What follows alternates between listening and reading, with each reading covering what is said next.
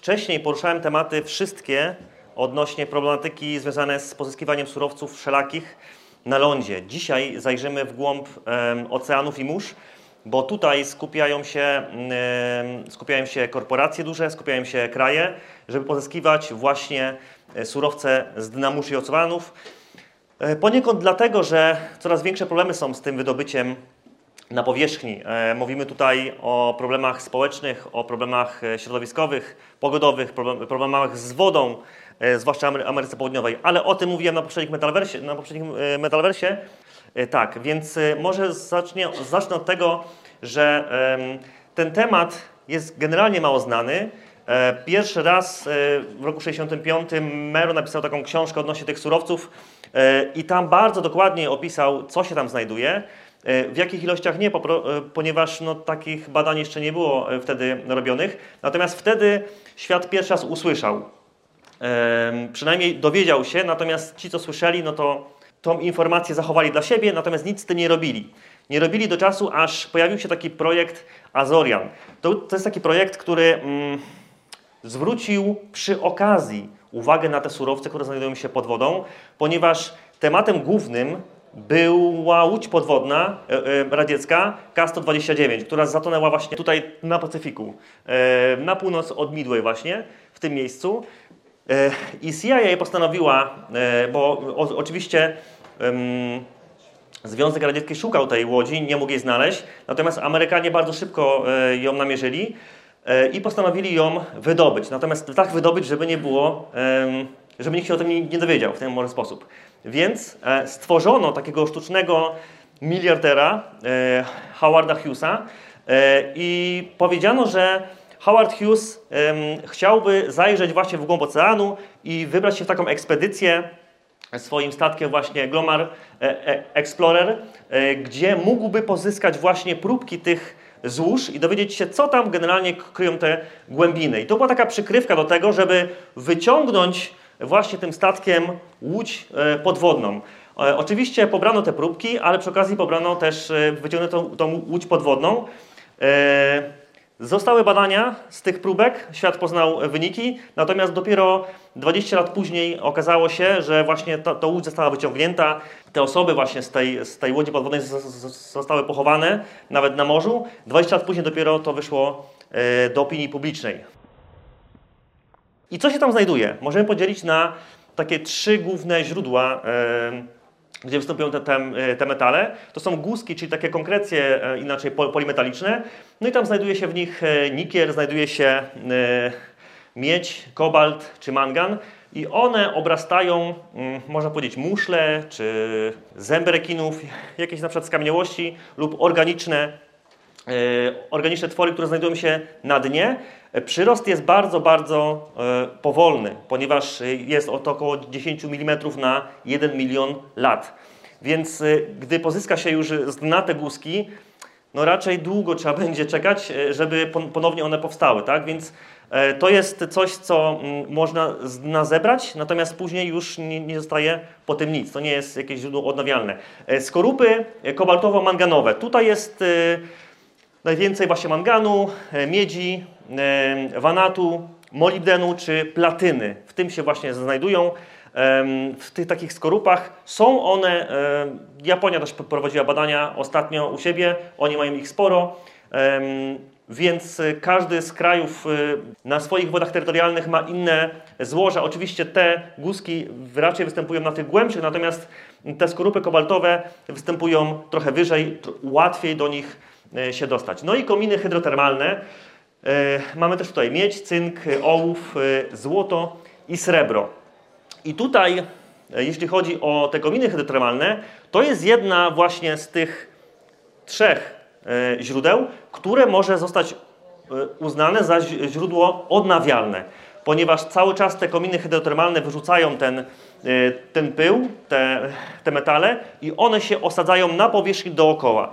I teraz to, co, mm, to w jaki sposób można pozyskiwać, pozyskiwać te minerały, to po prostu zbierać je dookoła tych, tych właśnie kominów, tam gdzie się właśnie one osadzają. Czasami tworzą takie skorupy, ale to powiem e, troszkę dalej, ponieważ E, Te skorupy, które się tworzą, można wyciągnąć po prostu na powierzchnię. I były takie przypadki, gdzie właśnie e, coś, jakieś przedmioty, które były zostawione właśnie w okolicy tych kominów hydrotermalnych, obrośnięte były skorupą, w której było e, całkiem sporo złota.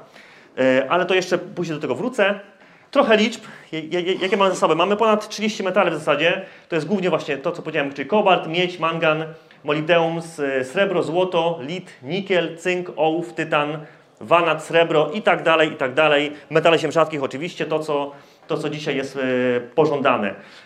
45% e, całego światowego zapotrzebowania na metale krytyczne może zaspokoić właśnie to dno oceaniczne do roku 65. Takie przynajmniej badania zrobiło e, US Geologic Survey i pokazali właśnie, że tylko właśnie z tych, ale znanych złóż, bo przypomnę, że mamy tylko 25% zmapowanego dna oceanu. Tylko tyle wiadomo, co tam się kryje i jest ono zmapowane.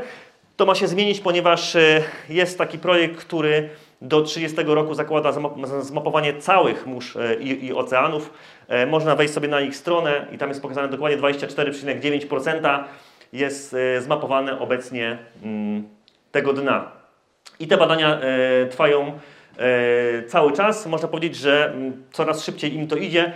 Co do mapowania, ważne jest to, że mm, Niektóre obszary były zmapowane, ponieważ y, te surowce były tak naprawdę odkryte mm, y, już w XIX wieku. Natomiast teraz mapuje się w taki sposób, które spełniają standardy, żeby można było oznaczyć wszelkie złoża, które tam się na przykład znajdują albo mm, y, współgrają na przykład z współczesnymi mapami, że można dokładnie lokalizować konkretne położenia w danych regionach.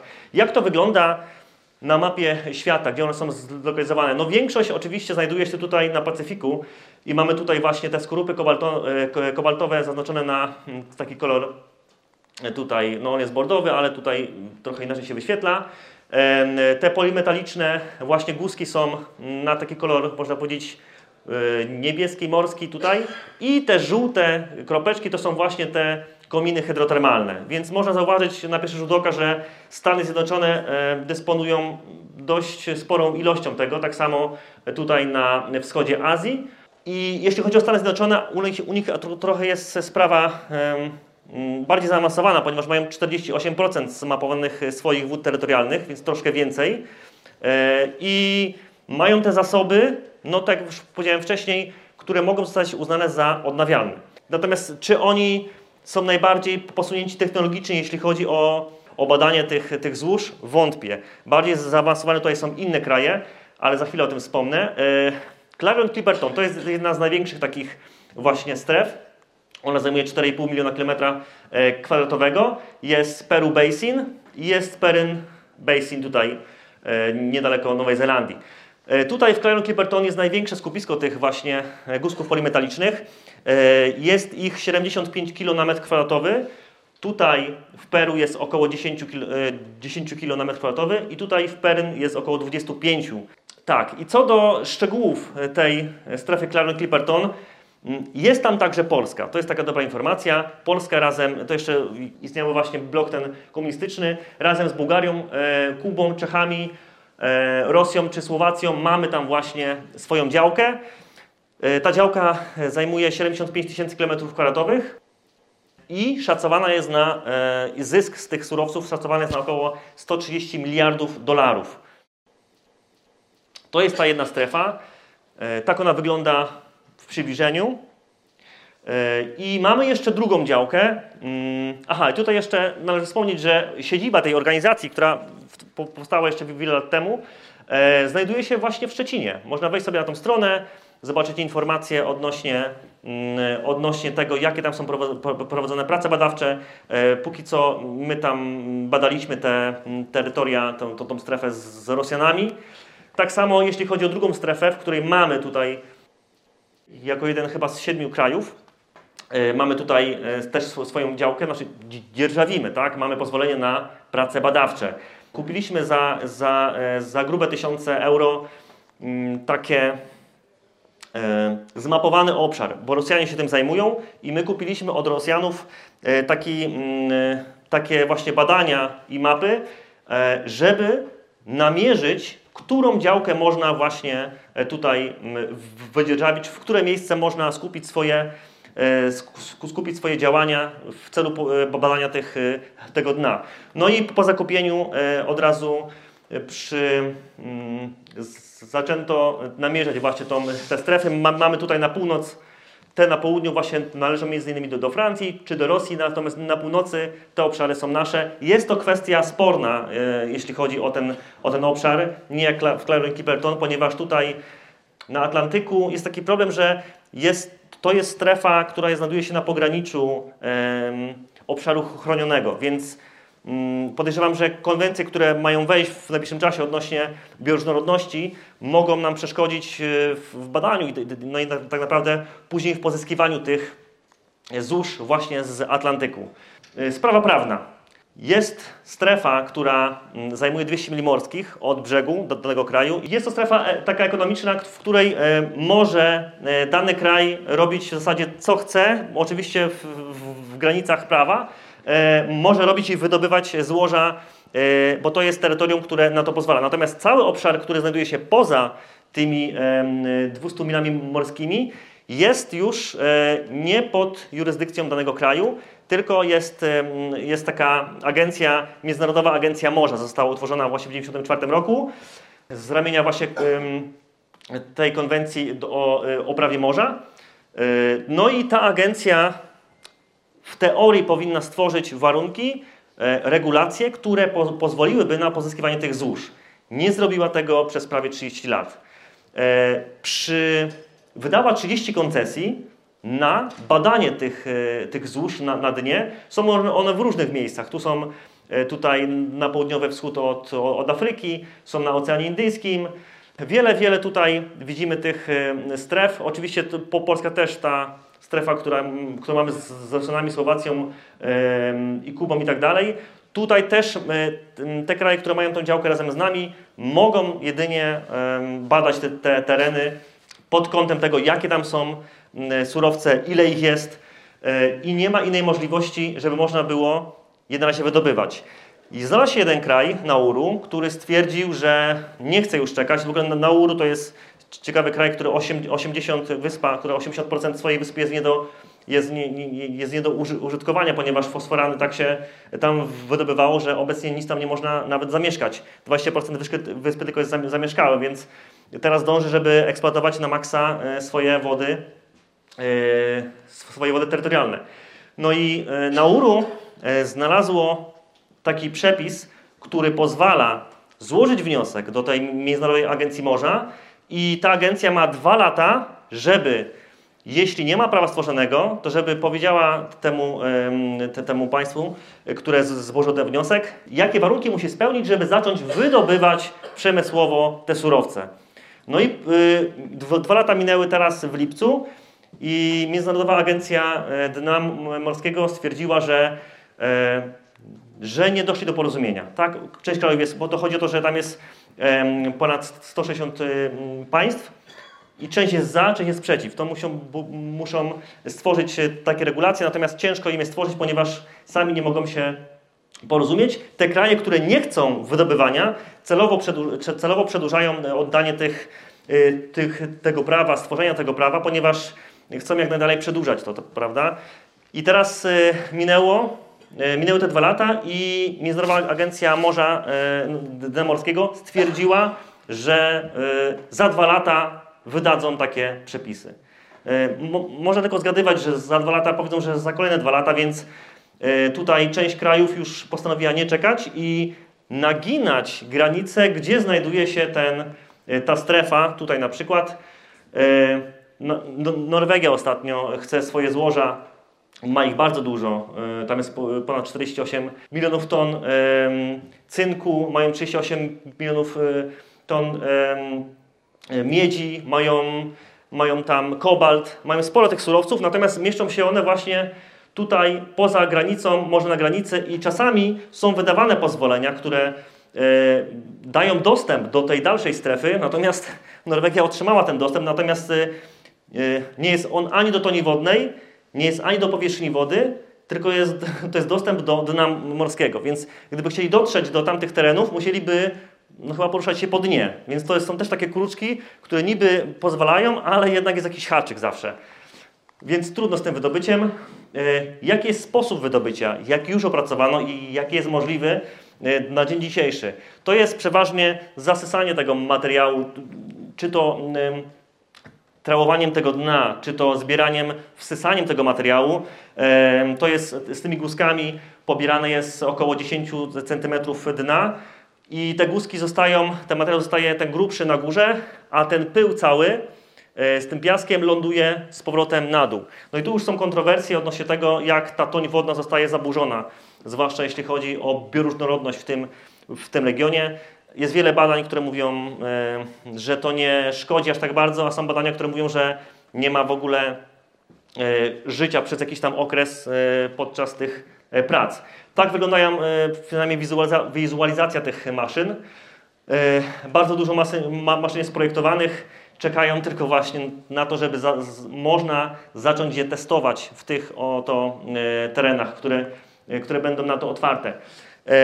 Jakie konsekwencje są, no tak już powiedziałem, odnośnie tego trałowania, odnośnie tej na przykład echolokacji, ponieważ zostały zrobione takie badania, gdzie pokazano, że mm, hałas, który powstaje w, w, w, w miejscu wydobycia, niesie się pół tysiąca kilometra. E, pół tysiąca kilometrów i zwierzęta, które bazują na echolokacji, mogą e, mieć za, zaburzone, no nie wiem, zmysły, mogą mieć zaburzoną, e, tak, nawigację. Dziękuję. Tego mi zabrakło. Mogą mieć zaburzoną nawigację, e, więc nawet gdyby E, dana, dany region e, wchodził w granice pozwolenia na wydobycie i takie pozwolenie już by istniało i można byłoby wydobywać, to mm, zasięg by, sięg, by wychodził daleko, daleko poza ten obszar, którym, który właśnie jest objęty tym pozwoleniem. Tak? Więc to jest ta sprawa dyskusyjna. Więc teoretycznie, wedle tego badania, ten obszar trzeba byłoby skrócić o pół tysiąca przynajmniej kilometrów. Czyli tak jak wszystkie te właśnie hałasy sięgają E, dalej. Ale to, jest, to, to są tylko badania. 10 lat będą musiały trwać takie, takie wydobycie, żeby można było stwierdzić, jakie konsekwencje przynosi tak naprawdę to wydobycie. Tak? Czyli 10 lat to jest bardzo dużo. Jest tutaj e, takie badanie, które zrobiły, e, zrobili Japończycy. Mają taki wygasły, wulkan u siebie na wodach terytorialnych i pobrali tam próbki. Zrobili najpierw badania miesiąc przed miesiąc po i rok po. E, I okazało się, po tym roku, e, właśnie już po, po roku później, okazało się, że 48% ryb i krewetek e, mm, zniknęło. Więc tu dosyć, jako że Japonia bazuje na, tym, na tych zwierzętach morskich i stąd biorą pożywienie głównie właśnie z morza, przestraszyli się, że to jest tak duże zaburzenie, a te, te badania trwały bardzo krótko. E, generalnie z tego, co wyczytałem, to cały proces trwał dwie godziny. Oczywiście z dojazdem, z tym wszystkim trwało więcej, ale sam proces pozyskiwania trwał dwie godziny. I 48% e, jest bioróżnorodności tam mniej. Więc e, Japończycy bardzo ostrożnie do tego podchodzą. Od razu to opublikowali, żeby może inne kraje też zrobiły swoje badania pod tym kątem. Jest jeszcze jedno badanie, Current Biology, zrobiło właśnie w tej strefie Clarion-Clipperton no i okazało się, że e, po takim krótkim badaniu znaleźli 5,5 tysiąca nowych gatunków e, właśnie zwierząt. To jest kolejna taka cegiełka do tego, żeby tego wydobycia jednak nie było w skali przemysłowej, że najpierw trzeba zbadać ten rejon, może wiele z tych zwierząt może nam pomóc, takie były argumenty przynajmniej w tym e, artykule, e, na przykład może pomóc w medycynie i tak dalej. Są tam bakterie, które właśnie, i są zwierzęta, które wychwytują duże ilości dwutlenku węgla. Może pasowałoby zrobić testy e, w przyszłości na lądzie, jak to wygląda, więc te badanie pokazuje, no, no jest taką właśnie cegiełką kolejną, która jest na rzecz tego, żeby tego dna jednak nie ruszać. I co? Istnieje teraz walka o wpływy, o te terytoria, póki nie można jeszcze wydobywać, no to walczmy o te rejony, żeby w przyszłości, jak już będzie można, może wydobywać, to żebyśmy mieli my jak najwięcej tego terenu do właśnie mm, do wydobycia, tak? Tych złóż najwięcej. I to robią właśnie kraje, głównie te największe, na przykład Chiny. Jest taka wyspa Senkaku, e, która należy do Japonii. To jest takie terytorium sporne. I kiedyś tam kuter rybacki e, chiński wpłynął i nie chciał stamtąd wypłynąć, więc musieli go usunąć e, siłą. E, oczywiście aresztowali tego kapitana statku, no i bardzo szybko go wypuścili, ponieważ po tym jak go aresztowali, Chińczycy zablokowali w swoim porcie ładowanie metali ziem rzadkich na statki, które miały płynąć do Japonii. A jako, że Japonia stoi, e, Japonia polega na tym, że jest bardzo rozwinięta technologicznie, to potrzebuje bardzo dużo tych metali, żeby móc, e, żeby móc wzmacniać swoją gospodarkę. Tak, bo na tym oni, oni stoją. Produkują dużo komponentów, na przykład e, w oparciu o, metalie, o metale ziem rzadkich. Więc e, i dzisiaj w tym rejonie, w, tych, w okolicach Senkaku, to nie kutry, to nie właśnie statki przybrzeżne właśnie tej straży morskiej Japonii pływają, tylko chińskie statki już pływają po tym incydencie. I to już teren jest, można powiedzieć, kontrolowany przez, e, przez Chiny. Kolejna sytuacja, Wyspy Salomona. E, podczas gdy Stany Zjednoczone skupiały się na tym chyba, żeby mm, rozwijać swoje bazy, swoje wpływy gospodarcze z różnymi krajami, to Chińczycy mm, poszli krok dalej, mają technologię, mają zasoby, mają finansowanie i to bardzo duże. Pokazał to przykład e, Afryki, jak e, Chińczycy zdominowali Afrykę i teraz to samo chcą robić, chcą to samo robić na e, Pacyfiku. Na Pacyfiku znaleźli właśnie wiele wysp, takie, które na przykład boją się, że zatoną, tak? Globalne ocieplenie, podwyższanie poziomu morza i wystarczy tylko wyjść do nich z pomocą, że te biedne kraje, a to są bardzo niektóre biedne kraje, zwłaszcza też wyspy Salomona, to są takie kraje, które chętnie przyjmą takiego partnera, który przypłynie i będzie świadczyć im technologią, e, finansowaniem, bardzo im pomoże zabezpieczyć brzegi, pomoże im zbudować e, wszelkie strefy przemysłowe itd. Tak itd. Tak I jedną z taką wyspy jest właśnie takich krajów jest, są wyspy Salomona. Stany Zjednoczone, gdy się dowiedziały o tym, e, łącznie z Australią, próbowały jeszcze namówić Wyspę Salomona, natomiast się nie udało. Ta umowa została finalnie podpisana. I tak kraj po kraju Chiny podróżują po tym oceanie i mm, podpisują kolejne umowy, kolejne partnerstwa, e, które są z korzyścią dla tych, e, dla tych wysp z punktu widzenia właśnie tych, tych wysp. Wystarczy tylko mm, uderzyć w to, co jest zagrożeniem dla tych wysp i dać na to odpowiedź. A to właśnie robią e, Chińczycy. Kolejny przypadek jest taki projekt Solvara, firmy Nautilus, takiej spółki, która tutaj na Morzu Bismarcka E, postanowiła e, wydobywać e, i zdobywać koncesje na właśnie na wydobycie różnych surowców. Te kraje bardzo szybko zobaczyły, z czym to się wiąże, więc wydały taki, zwłaszcza Papua Nowa Gwinea, taki dziesięcioletni zakaz w ogóle kompletny na, na wydobycie. Projekt Solvara powstał 1, 2, 3, nawet chyba 4 jest i próbują, próbuje szczęścia ta firma coraz, coraz na szerszych wodach i właśnie tutaj wrócę, to jest, to jest właśnie jedna z tych firm, która zostawiła coś na dnie e, i te właśnie siaczki polimetaliczne, to właśnie z tych kominów hydrotermalnych, oblepiły te ich urządzenie, które zostawili na, dnie właśnie i po, e, wtedy, gdy je wyciągnęli, zobaczyli, że to urządzenie jest oblepione całe właśnie taką skorupą osadu, a w tym osadzie znajdują się duże ilości, duże ilości e, złota. Więc to jest bardzo region taki, który jest na można powiedzieć, e, na oku różnych, e, różnych film, e, firm i na pewno w przyszłości będziemy słyszeć, ponieważ tutaj mm, wystarczy znaleźć mm, powód, żeby te kraje się zgodziły i to wystarczy, tak? ponieważ to nie, to nie są już takie otwarte, duże wody, tylko to są w granicach ich wodach, ich wód terytorialnych można prowadzić te działania. Pytanie, kto będzie pierwszy.